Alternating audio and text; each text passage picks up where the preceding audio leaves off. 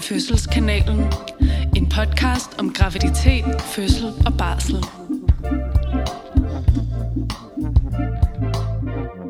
Du skal snart flytte sammen med din kæreste, Side. Ja, det skal jeg. Der er 14 dage til. Nej, det er ret vildt. Eller det er der jo ikke, når den her episode kommer, så der er lidt kortere tid til. Men øh, lige nu er der 14 dage til. Glæder du dig? Jeg glæder mig. Jeg tror, det bliver virkelig dejligt. Jeg tror også, det bliver dejligt for jer. Også bare fordi det har været sådan fire måneders ventetid, siden vi tog beslutningen til nu. Og så er det som om, at man ligesom bare går lidt og venter på, at ens hjem skal blive en lille smule anderledes. Og øh, jeg tror, det bliver dejligt, når vi øh, kommer lidt på plads. Jeg skal jo i virkeligheden ikke rykke mig så meget ud af flækken. Nej, du skal ikke. Jeg skal bare lige rykke lidt rundt på nogle møbler og sådan blive, hvor jeg har været i 100 milliarder år. Men øhm, Men det, der er jo allermest excited, det er, at vi får et kontor. det er rigtigt. Det er rigtigt. Der kommer lige pludselig et ekstra rum øh, i lejligheden, som vi har valgt at, øh, at lave til fødselskanalen kontor. I hvert fald halvdelen af ugen. Jeg har i hvert fald fået super meget ejerfornemmelse over det rum. Det, Ja. det er perfekt. Det er sådan en drøm, vi har haft meget længe. Sådan en Ja. totalt urealistisk drøm med nul penge, at vi gerne vil lege et kontor. Men øhm, nu laver vi sgu bare et i min lejlighed. Ja, det er så godt. Det bliver rigtig godt. Det kan jeg mærke. Ja, så ej, det bliver det er spændende. Også meget voksent. Altså, øhm, det skal jo ikke være nogen hemmeligheder. Jeg er jo den ældste af os to. Øh, og der, øh, der føler jeg altså, at du lige er et skridt foran i, øh, i voksen. Altså voksen at bo med sin kæreste, eller have et kontor i sin lejlighed. Nå, jeg tænker mest på det med at bo med sin kæreste, men selvfølgelig også det at have et kontor i sin lejlighed. Ja, det er rigtigt. Det er to meget voksne ting. Nå, men det skal jo i virkeligheden handle om noget helt andet i dag, og sådan noget måske lidt mindre sådan Saucy. Ja, klart. Altså, øh, vi har besluttet os at lave en episode om noget, der hedder GPS. Gruppe B streptokokker. Ja, og jeg kan godt nu her sådan tænke, hvorfor har vi egentlig det? Men det er der en rigtig god grund til. Det er bare også et lidt sådan, det føles som et lidt random emne. Ja, altså det er jo en helt bestemt form for bakterier, vi skal snakke om i dag. Og det er jo altså usædvanligt specifikt. Men der er jo rigtig mange lyttere, der har skrevet til os og bedt om det Ja. her. Og det er jo nok fordi, at de, øh, lidt ligesom jer, der ikke har hørt om det her, har tænkt, hvad i alverden er det, når de så er blevet præsenteret for det lige pludselig midt i en graviditet.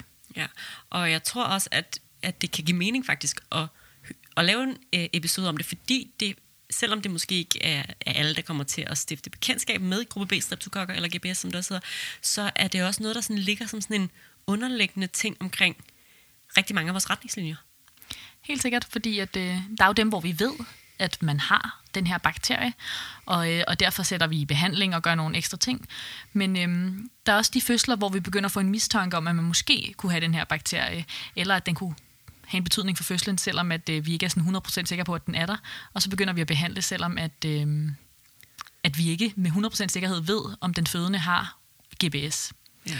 Og det er jo for eksempel, hvis man har vandafgang i, det er sådan lidt forskelligt fra afdeling til afdeling, men 18 timer eller 24 timer. De fleste har faktisk 18. Det er bare fordi, vi har 24 timer. Så hos os, i vores hoveder, er det meget 24 timer, mm. der er skæringsgrænsen. Men, men for langt de fleste fødesteder, så er det de 18 timer. Og, øh, og det er det, som... Det tror jeg, mange ved. Mange ved, at man helst skal have, have født inden for 18 timer, efter at vandet er gået. Men jeg tror ikke, det er så mange, der ved, hvorfor. Og det her er gruppe B streptokokker, kommer ind i billedet. Man simpelthen er bekymret for, at øh, barnet kan få en infektion med den her bakterie, og derfor anbefaler man den fødende at få antibiotika. Mm. Så øh, der er faktisk ret mange fødsler, hvor det lige pludselig også er noget, man vil høre om, eller i hvert fald få at vide, at der er en risiko for en infektion, og derfor bliver man anbefalet antibiotika lige pludselig. Ja, det samme gælder, hvis vi har med for tidlige fødsler at gøre, altså øh, børn, der ligesom kommer til verden før tid, så vil der også øh, altid ligge en øh, anbefaling om at give antibiotika i løbet af fødslen. Det er også, fordi man er bange for, øh, for gruppe B streptokokker. Og så er der de fødsler, hvor at der begynder sådan at være lidt tegn på infektion. Det kan være den fødende, der får feber, eller barnets hjertelyd, der begynder sådan at stige. Man kan få en højere puls, hvis, øh, hvis der er sådan lidt feberlignende tilstande. Så, øh, så der er også nogle gange, hvor vi sådan kan se nogle andre tegn på infektion. Så der er faktisk rigtig, rigtig mange forskellige tilfælde, hvor at vi er lidt bekymrede for, om den her bakterie kunne have en betydning for fødslen. Ja. Og, øh, og til dem, der sådan nu bliver en lille smule nysgerrige på, hvordan finder man ud af, at man har gruppe B streptokokker og den slags, så kan vi bare lige hurtigt sige, at det er tit, når man får lavet sådan nogle rutinemæssige undersøgelser af urinen, at, øh, at man simpelthen kan se, at der er noget, nogle gruppe B streptokokker i den. Så det er ikke, fordi man som regel kan mærke noget til det, eller har nogle symptomer på det, tit er den asymptomatisk, men at det simpelthen bliver fundet, øh, fordi man tit og ofte i sin graviditet på et eller andet tidspunkt vil få undersøgt sin urin. Og så er der nogen, der bonger ud på den. Mm. Og, og nogen vil slet ikke blive undersøgt. Altså nogen vil ligesom gå igennem en hel graviditet, og ingen har undersøgt, om man har GBS. Og i de tilfælde går man jo så bare ud fra, at det er der ikke. Lige præcis. Men jeg tænker, at vi måske lige skal dykke lidt ned i GBS og finde ud af, hvorfor det egentlig er, at den her bakterie har en betydning. Ja, med det så tænker jeg, at du tænker, at vi skal tage en tekstbog. Det er det, jeg tænker. Tekstbogen. GBS er en forkortelse for gruppe B-streptokokker, der er en bestemt form for bakterier. Denne bakterieart er en del af mange menneskers normale bakterieflora. Den kan findes i vagina, blæren og rektum hos mellem 10-30% af alle gravide. Mange har GBS-bakterien uden nogen symptomer og finder måske aldrig ud af, at de har denne bakterie. Få mennesker får symptomer på infektion. Det kan være øget udflåd eller svin ved vandladning. GBS er ikke en farlig bakterie for den gravide, og så længe fosterhinderne er intakte, kan bakterien ikke komme ind til fosteret, der ligger i sterilt fostervand. Den gravide kan dog smitte barnet med bakterien under fødslen, når fostervandet er gået. Det sker ganske sjældent. Kun ca. 30 nyfødte smittes årligt i Danmark. Bliver en nyfødt smittet, kan det dog medføre en alvorlig infektion. Noget, som er virkelig vigtigt at understrege efter den her tekstbogen, det er, at det er en meget normal bakterie. 10-30 procent af baggrundsbefolkningen går rundt og har den i forvejen, uden at vide det. Og det er ikke noget, man sådan kan gøre noget aktivt for at undgå at få. Det er ikke sådan, at man har siddet på et beskidt toiletbræt, eller det er ikke en seksuelt overført sygdom, eller noget som helst i den dur. Det er sådan en del af den helt normale bakterieflora. Ja, det er, og det er også derfor, det er sådan lidt en interessant størrelse, fordi, at, øh, fordi der jo netop er så mange, der har den, og at det i meget, meget få tilfælde øh, har nogle konsekvenser. Men altså har vi jo de her 30 børn om året, som bliver smittet med den. Og når man bliver smittet med gruppe B streptokokker, så er det sådan en af de der rigtig træls infektioner, et barn kan få. Øh, og det kan have sådan ret, ret trælse konsekvenser. Ja, det er jo et helt nyfødt barn, som har et meget svagt immunforsvar, lige når det bliver født. Det er ikke blevet præsenteret for særlig mange bakterier endnu. Det er bare blevet præsenteret for dem, der ligesom har været i fødselskanalen, hvis man er blevet født vaginalt. Og, og der går noget tid, før et barn ligesom får oparbejdet sådan en normal tarmflora for eksempel, og ligesom får, får øh, startet sit immunforsvar godt op. Så på den måde, så kan det betyde rigtig, rigtig meget for sådan et helt nyfødt, friskt barn øhm, at blive smittet med den her bakterie. Ja, og hvis vi lige skal sådan lægge svisken på disken og tage alle de her sådan rigtig træls ting ved, ved gruppe B streptokokker, så kan den her infektion hos et nyfødt barn medfører blandt andet hjernehindebetændelse og lungebetændelse, som er to ting, man jo virkelig ikke ønsker, ens nyfødte barn skal have. Ja, og øhm, hos mange af de børn, som ligesom udvikler den her alvorlige infektion, som du snakker om, Frede, med hjernehindebetændelse, eller man kan også få decideret blodforgiftning, så kommer det sådan inden for de første døgn efter fødslen. Og det betyder også, at øh, nogen vil opleve at blive indlagt på barselsgangen, selvom at alt andet egentlig er gået efter bogen, hvis vi tænker, der er en mistanke om, at, øh, at den fødende kan have den her infektion og ikke har fået antibiotika. Det kommer vi mere ind på. Men hvis vi har en mistanke om, at det her barn kan være blevet smittet, så indlægger man i nogle dage for ligesom at se, om barnet begynder at give tegn til at, at have fået den her infektion. Ja, og så er der også nogle børn, der først udvikler øh, infektionen lidt senere.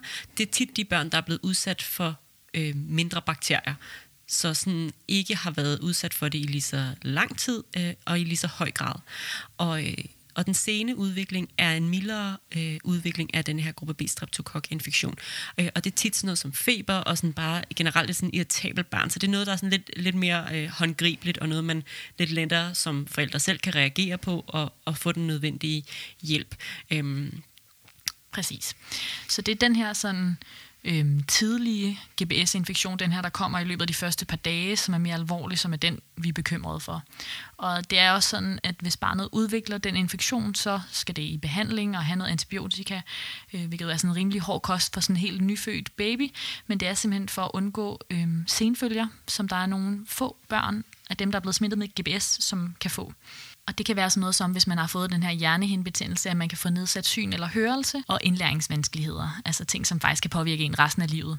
Og det er derfor, det selvfølgelig er vigtigt, at vi opdager, hvis man øhm, har fået den her infektion. Og når det kommer til de her senfølger, så er det øh, sådan cirka 15-25 procent af de 30 årligt. Så det er jo et fortal, der ligesom kommer ud for det her. Og det er i virkeligheden også det, som måske er værd at understrege igen. Det kan hurtigt føles det her, når vi sidder og snakker om det, som sådan den, den rigtig ubehagelige Google-søgning, som vi har været inde på øh, mange gange i løbet af podcastens eksistens. Og der er det bare relevant at vide, at det er ikke særlig mange, der får de her rigtig sådan grælde infektioner. Der er rigtig mange gravide, der har GBS, men det er meget, meget få børn, der bliver smittet med det årligt. Lige præcis. Så det er noget, vi er opmærksom på, fordi det kan have alvorlige konsekvenser, men det er ikke noget, vi ser særlig tit.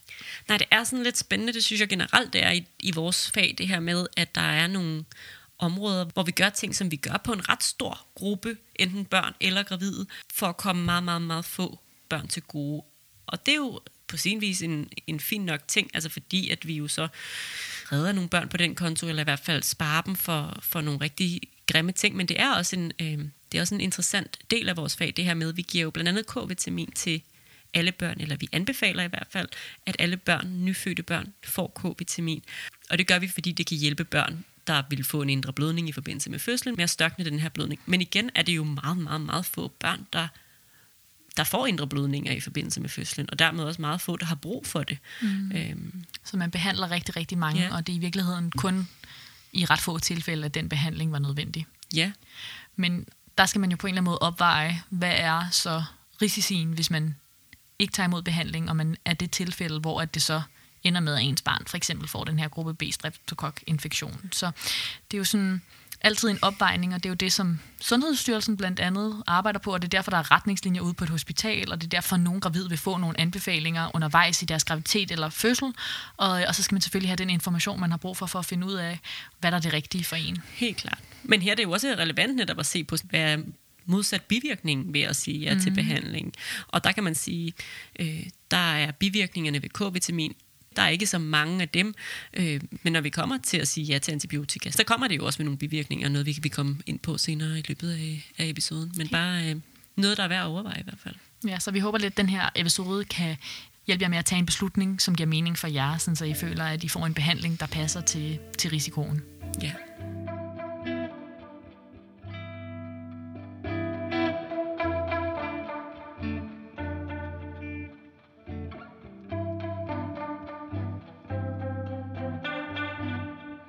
Kan være, at vi skal sådan tage det fra en ende af. Nu har vi snakket lidt om sådan worst case scenario, og hvad der ligesom kan ske med sådan en nyfødt barn, der bliver smittet. Øhm, men jeg synes, vi skal gå helt tilbage til graviditeten og, og ligesom tage det fra starten, fordi at mange vil ligesom høre om den her bakterie, og øh, øh, måske også komme i behandling, og slet, slet ikke ende der med et nyfødt barn, der er smittet overhovedet. Så hvis vi lige tager dem, som rent faktisk får symptomer på at have gruppe B streptokok-infektion, så er det som sagt det her med, at man kan have sådan lidt øget udflod, og man kan have svige ved vandladning, og det kan også være noget af det, der giver en øh, blærebetændelse, så hvis man øhm, har en masse plukkevejer og smerter, når man tisser og andre sådan tegn på urinvejsinfektion, så kan det være, at man opdager, at man har en gruppe B streptokok-infektion. Men rigtig, rigtig mange vil slet ikke have nogen symptomer. Ja, og nogle gange kan det også handle om, at man måske har øh, en urinvejsinfektion, altså, som er bygger på E. coli, altså det vil sige en anden type bakterie, der har, der har gjort, at man har den her urinvejsinfektion, og så er gruppe B streptokokker ligesom bare sådan et bifund, mm. så ikke, ikke nødvendigvis det, der har kreeret øh, urinvejsinfektionen, men fordi at det er der så også. Lige præcis. Og det er mange af de personer, som har fået konstateret gruppe B streptokokker i graviditeten, som har skrevet til os. Og, øh, og det er ikke fordi, der er så meget at sige om det andet, end at når man er gravid, er det bare sådan en, en biting. Øh, og noget man, øh, i hvert fald hvis der er øh, tilpas nok bakterie i urinen, vil vælge at sætte i behandling for. Ja, så man kan få en behandling, som slår infektionen ned nu og her, og så kunne man jo tænke, at man ikke har infektionen længere, men hvis man først er blevet testet positiv for GBS på et eller andet tidspunkt i løbet af ens graviditet, så havner man i den boks af en gravid med i hvert fald øget risiko for at have det, når man føder. Og, og det gør, at vi vil anbefale antibiotika, når man kommer ind for at føde sit barn, og man skal, nu siger jeg kommer ind, man skal føde på et hospital af den grund. Så hvis nu man havde planlagt at føde hjemme, så vil man faktisk blive omvisiteret til hospitalsfødsel. Og så lyder det jo lige pludselig, som om man har en ret kompliceret fødsel foran sig. Men det er vidderligt det, som det handler om, det er, at man skal have den her antibiotika. Fordi vi regner stadigvæk med, at man, så længe man er gravid, og så længe at fosterhænderne er intakte, og barnet ligesom ligger inde i sin lille sterile ballon derinde, at barnet, det har det fint, uden nogen bakterier derinde, og den gravide krop kan som sagt sagtens gå rundt med den her bakterie, fordi det er der mange af os alle sammen, der går rundt og, og har i forvejen, uden at det har nogen som helst betydning for os. Mm. Og så vil man jo som regel sådan blive testet igen i graviditeten for at se, om man har det. Og igen, som du siger, så kan man sagtens ikke have gruppe B streptokokker resten af sin graviditet og blive testet flere gange uden at have det, men fordi man har fået det påvist en gang i graviditeten, så antager man ligesom, at der er en øget risiko for, at man igen kan udvikle det. Og, øh, og så for at være på den helt sikre side, så vælger man at tilbyde antibiotika under fødslen. Ja, så GBS vil ligesom stå måske på ens vandrejournal, eller i ens journalsystem, og det er ligesom noget, man ved selv, okay, det har jeg haft undervejs i graviditeten, men ellers så betyder det ikke mere sådan undervejs i graviditeten. I sjældne, sjældne tilfælde, det er vi så også lige nødt til at nævne, så vil øh, GBS-infektionen tage så meget over i den gravide krop, at der vil komme nogle andre symptomer. Altså, det er jo i forvejen sjældent, at der er nogen, der overhovedet får nogle symptomer på at have GBS, men så engang imellem er der nogen, hvor at de måske vil udvikle en blærebetændelse, som er så generende, at livmoderen begynder at lave plukkevejer, og øh, der faktisk kommer en risiko for for tidlig fødsel. Øh, og det, øh, det er også noget af det, vi tjekker for, hvis man kommer ind, og vi er sådan lidt i tvivl om, om man er ved at gå i fødsel for tidligt, så tjekker vi, om man har den her øh, bakterie, og vi kan behandle for den, for at være sikker på, at det ikke er det. Det er altså ret sjældent, at det er det, det ender med. Øh, og det er selvfølgelig kun, hvis man er en af dem, der kommer ind og har de her symptomer, at det er det, vi er bekymret for, og ellers så tænker vi bare, okay, du har den her bakterie, den betyder ikke så meget for din krop. Nej. Og det samme, hvis man er en af dem, der får vandafgang for tidligt, så er det også noget, hvor vi tester og ser, om, øh, om det simpelthen kan være gruppe B streptokokker, der kan være årsag til, øh, at man til at vandet er gået før tid. Så det det er ikke nødvendigvis fordi, at man skal gå og være vildt bekymret for, at man har denne her sygdom, og at man lige pludselig går for tidlig fødsel. Det er nok mere den anden vej rundt, at nogle gange i de tilfælde, hvor at man så går for tidligt i fødsel, der er det i hvert fald noget, vi undersøger for, og så kan det være en del af forklaringen på det. Mm. Øh, men igen er det det her med hele tiden holde fast i, der er virkelig, virkelig mange, der har det, uden overhovedet at mærke noget til det. Så det er sådan en underlig størrelse, og, og selvfølgelig også derfor, at man vælger at behandle øh, gravidet, hvor man opdager det. Det er jo for at undgå, at det skal ind ud i noget af det her. Ja, det er nok godt at holde fast i, at mange har den. Så har man symptomer på, at man er ved at gå for tidligt i fødsel, så skal man selvfølgelig reagere på det. Men ellers så kan man ikke sidde derhjemme og sådan, som sådan vide, om man har GBS eller ej. Nej, lige præcis. Altså, og selvfølgelig er man en af dem, der har hyppige plukkevejer, så vil vi altid anbefale, at man går til øh, for eksempel egen læge og lige får undersøgt urin. Lige så meget, fordi det kan også være en anden infektion. Altså, det kan godt være sådan en E. coli-bakterie, som, som sidder og generer blæren og gør, at man har øh, en urinvejsinfektion. Og selvfølgelig skal man ikke gå rundt med hverken den ene eller anden infektion. Øh, uden at komme i behandling for det. Øhm, men igen er det sådan noget, hvor man kan, man kan ligesom kun reagere på de symptomer, der opstår. Hvis ikke der opstår symptomer, så, så er det bare det. Ja, så er kroppen jo bare fuld af alle mulige mystiske bakterier, som øhm, bare lever deres liv.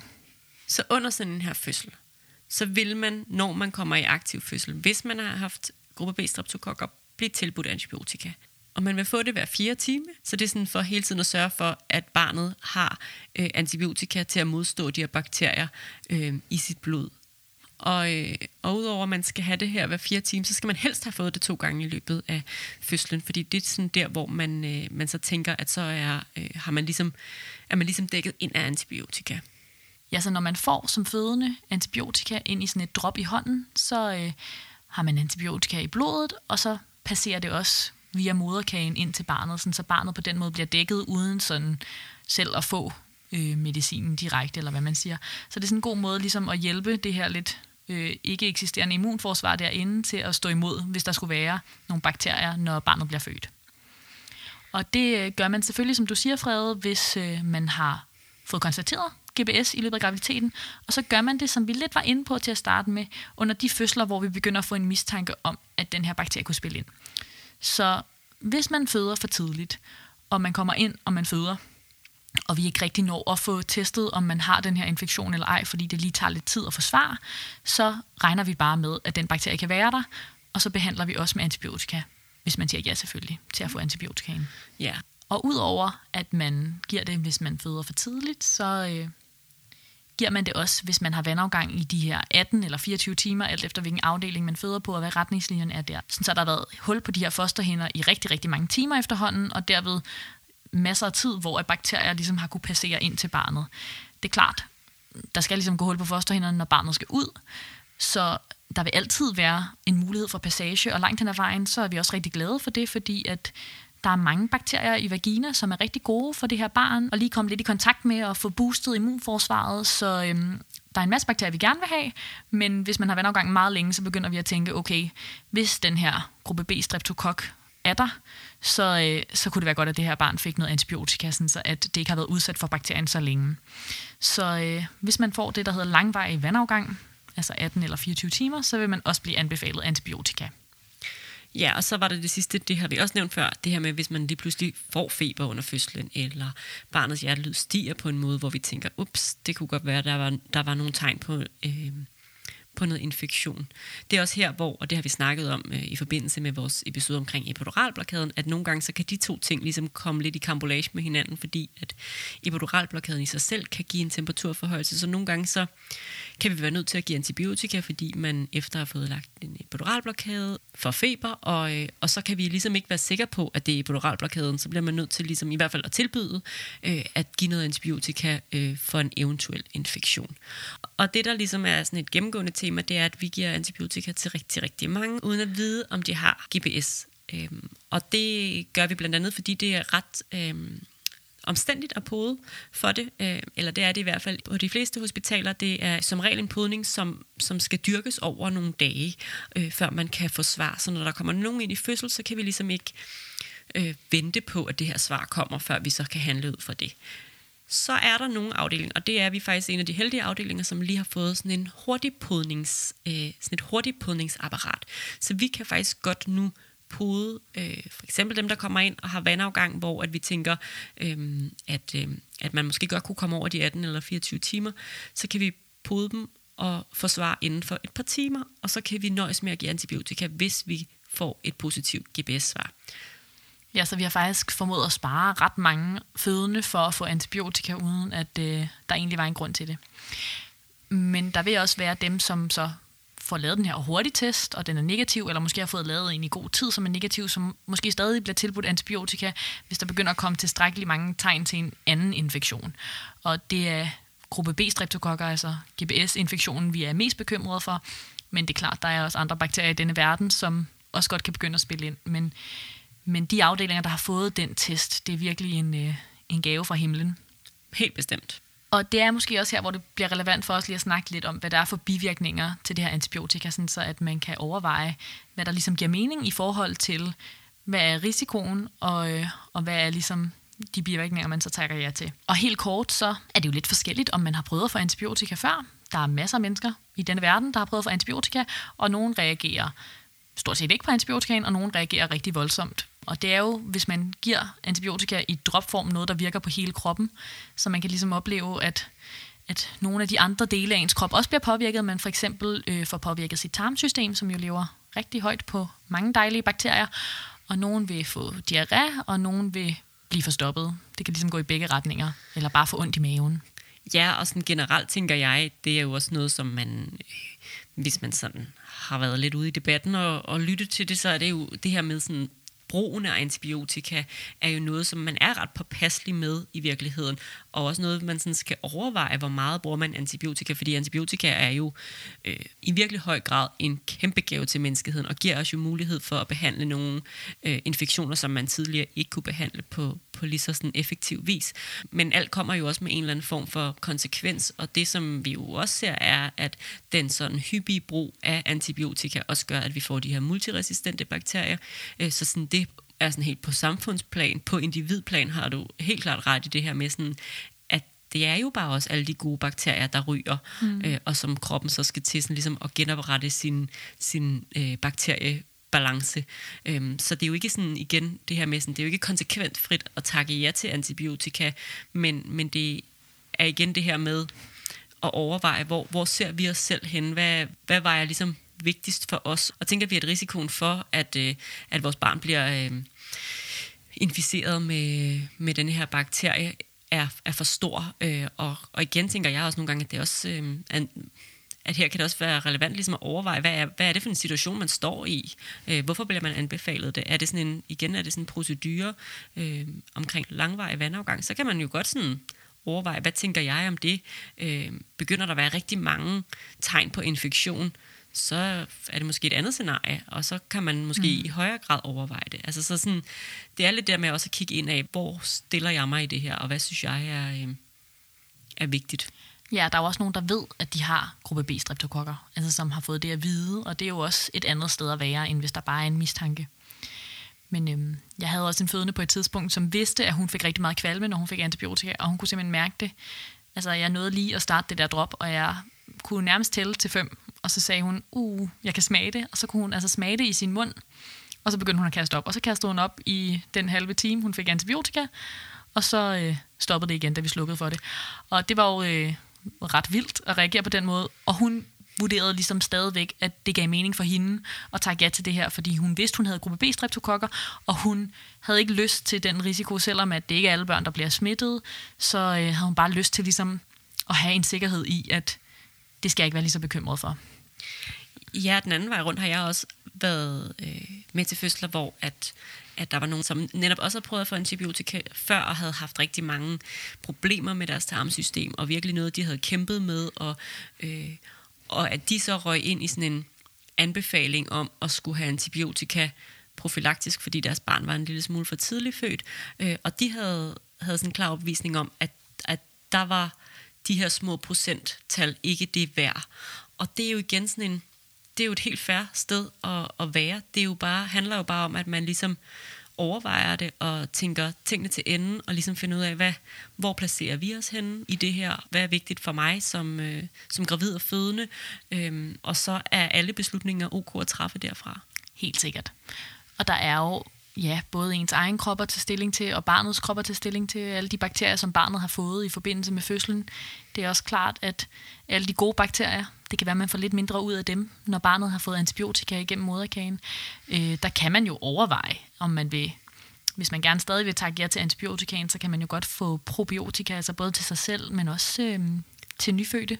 Hvis det er en vej, man vil gå, det er jo også en mulighed. Så der er ligesom nogle andre ting, man kan trække på, især hvis man ved, at man har gruppe B streptokokker og skal ind og føde, og ved, at man vil tage ja til antibiotikaen, så kan man jo undersøge det her på forhånd, og ellers så kan man jo google efter fødslen. Ja, så der er ligesom også nogle ting der, man, man kan gøre øh, for at hjælpe sig selv og sit, øh, sin baby. Helt sikkert. Vælger man nu at takke nej til antibiotika, eller er man bare en af dem, som ikke når at få den tilstrækkelige dosis af antibiotika, til vi ligesom at tænker, at man er dækket ind, så vil man tage øh, nogle infektionstal på barnet. Og det er ligesom for at se, sådan, hvad, hvad siger vi, er der, er der noget infektion undervejs, og så vil man også øh, observere barnet på barselsgang, for lige at sikre, at der ikke, der ikke opstår noget øh, i løbet af de første par dage.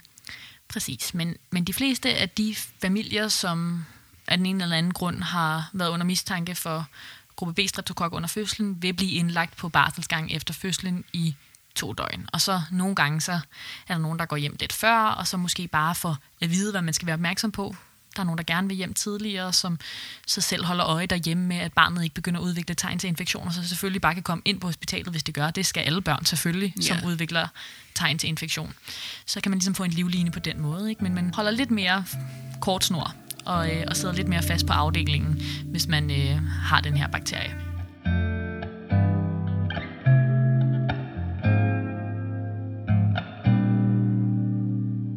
Men helt kort, hvis vi lige skal opsummere, hvad det har af konsekvenser for ens graviditet og fødsel, fordi det er klart den sådan bekymring, jeg fornemmer i hvert fald fra de lyttere, der har skrevet til os, sådan, det her havde jeg slet ikke hørt om, jeg er meget bekymret nu, hvad betyder det?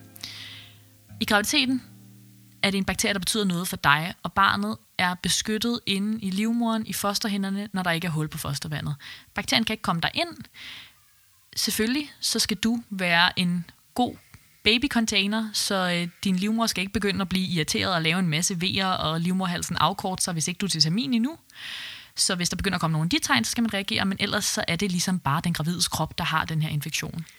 Ja, og hvis man så finder det, så har det den ene konsekvens, at man bliver tilbudt øh, antibiotika øh, på tabletform her. Lige præcis. Og når man så kommer til fødslen, så den betydning, det har der, det er, at man skal have antibiotika i et drop.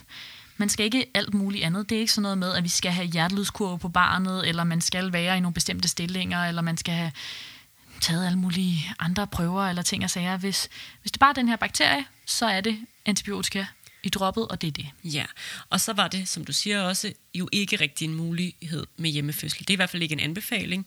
Øhm, og igen er alt jo valg i denne her verden, og det er det selvfølgelig også her. Men, men anbefalingen lyder, fordi man skal have antibiotika, at man også føder ind på et hospital. Er man en af dem, der så tænker, jeg skal ikke have antibiotika, så er det jo så en anden situation, og så kan man øh, snakke med sin, øh, sin afdeling eller sin hjemmefødselsjommer om at føde hjemme alligevel. Men anbefaling er, at man føder øh, inde på et hospital, så man kan få det her antibiotika. Og antibiotikaen er jo ikke noget, man skal øh, rende rundt med hele tiden. Det er hver fire time, og det er så øh, et drop, man får, får lagt, og så får man antibiotika, og så, så lukker man ligesom droppet til, man beholder det i hånden, men man tager ledningen fra, og så får man det først tilsluttet igen fire timer senere. Så det er ikke sådan, at man øh, har, har sådan en, en ledning med sig hele tiden. Præcis, så i de timer imellem, så gør man selvfølgelig bare sine ting, og alt, hvad man har brug for Ja. som fødende menneske, skal man have. I forhold til det, så er der jo lige den her vandfødsel, som jeg også tænker, vi måske lige skal snakke lidt om, Frede, fordi Ja. der er ikke nogen sådan specifikke retningslinjer, der fortæller, om man kan føde i vand eller ej, hvis man har gruppe B streptokokker. Jeg har sådan en fornemmelse på vores afdeling af, at det er sådan lidt forskelligt, hvad folks sådan tankegang er. At nogen tænker, at det kan ikke være særlig smart at lægge sig ned i vandet og få den her bakterie til at flyde ud i hele badekarret. Og andre tænker, barnet skal alligevel den vej igennem, så bliver det fortyndet. Og jeg kan mærke, at jeg sådan selv tænker lidt det samme, at det bliver fortyndet. Ja. Hvad tænker du? Jamen, jeg tænker det helt. Jeg, jeg tænker også øh, det.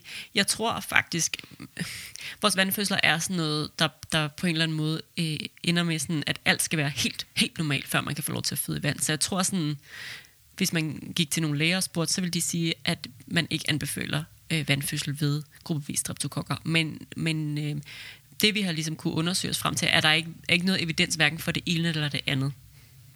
Præcis, men man kan måske godt opleve, at man vil få en anbefaling, når man kommer ind på et hospital med det personale, man nu engang er sammen med, og, øh, og det, det kan godt gå lidt i forskellige retninger.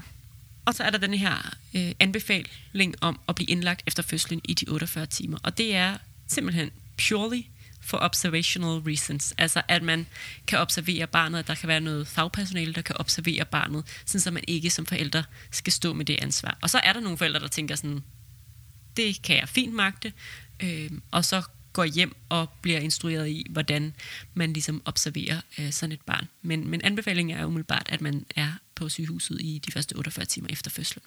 Og det kan jo godt være lidt irriterende, hvis man havde tænkt, man skulle føde ambulant, eller hvis man egentlig havde planlagt at føde hjemme, og man bare gerne vil hjem til sig selv, eller man har nogle større børn også. Men øhm, hvis der ikke er andet end den her bakterie, så kan man jo ja få vejledning og holde øje derhjemme selv, og man kan også ligesom passe sig selv på barselsgangen. Så sidder man godt nok et andet sted end hjemme hos sig selv, men man behøver jo ikke at få alle mulige andre check-ups og hjælp, hvis man ikke er til det.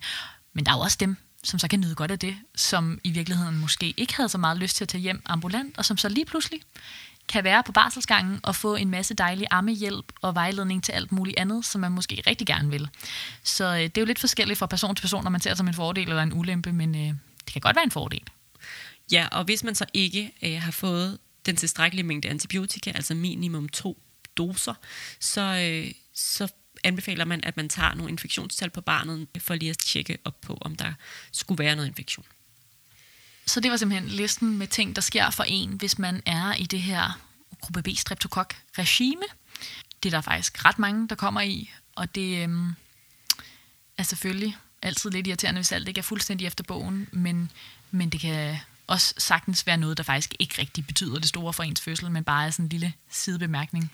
Ja, jeg synes på en eller anden måde, det er væsentligt at understrege det der med, det har du også sagt, men det her med sådan, det, det er ikke fordi fødslen egentlig bliver kompliceret af det, det er bare fordi man jo prøver at passe på den her baby, som skal ud igennem den her kanal, som potentielt har øh, nogle gruppe B streptokokker. Og, og det er jo også lidt med tanke om, at hvis vi giver antibiotikaen til den fødende, og det går over moderkagen, så slipper vi også for at skulle give baby antibiotika. For man kan sige, sker det nu, at øh, man ikke får antibiotika, eller at man ikke får den tilstrækkelige mængde antibiotika, for nogle er det jo også, at man først ligesom ser tegn på infektion efter fødslen, øh, så vil behandlingen være, at man giver antibiotika til babyen. Øh, og så bliver man selvfølgelig nødt til at, at stikke i den lille baby, og det, det kan man jo på en eller anden måde undgå, hvis man får det under fødslen. Helt sikkert. Så husk, der er ikke noget særligt, man kan gøre for at undgå at få den her infektion. Det er ikke noget, man skal gå rundt og passe helt vildt meget på. Der er ikke noget, der skal sprittes eller vaskes eller noget for at undgå at få GBS. Nogen har den, nogen har den ikke. Øhm, hvis det er noget, der begynder at præge fødslen, så vil der komme nogle tegn, som vil gøre, at vi reagerer. Og, øh, og ellers så øh, kan man bare parkere den her information et eller andet sted i en afkrog af ens hjerne, og så trække den frem, hvis man begynder at få noget at vide om det under ens fødsel. Men ellers så regn med, at der ikke er nogen infektion. Og for guds skyld, ja, lad være med at spritte af. dernede. Don't do it. Man kunne godt blive bange i den her tid. Altså, ja. Ja. Jeg føler virkelig, sådan, det er farligt at snakke om en bakterie, når der er en virus på spil derude, som vi alle sammen gør alt, hvad vi kan for at undgå. Nej. Vi tænker, at det her er rart at vide for jer, der får gruppe B streptokokker, eller bliver anbefalet antibiotika i løbet af jeres fødsel, så ved I, hvad er det, det hele handler om, hvorfor er anbefalingerne det, og er måske en lille smule bedre i stand til at, øh, at vælge jeres vej i det. Og så vil der være rigtig, rigtig mange, som overhovedet ikke kan bruge den her episode til noget, men sådan er det jo. Vi er en lille niche-podcast med små niche-episoder, som nogen får gavn af, og andre ikke gør. Så bær over med os jer, som øh, ikke nu og heller ikke siden kommer til at høre noget som helst til gruppe B streptokokker. Men så kan det være, at man kender nogen, har nogle venner eller nogle familiemedlemmer eller et eller andet, som lige pludselig får at vide, at de har GPS, og så har man en masse god viden, man kan dele. Ja, og ellers kan man jo altid lige sende dem vores episode her. Helt sikkert. Så øh, sidste note.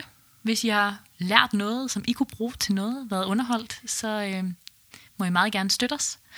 Og øh, I kan se, hvordan på Instagram eller på vores hjemmeside, der er både en mobile pay box og en mulighed for at lave sådan et frivilligt abonnement på øh, tier.dk, hvis man har lyst til det.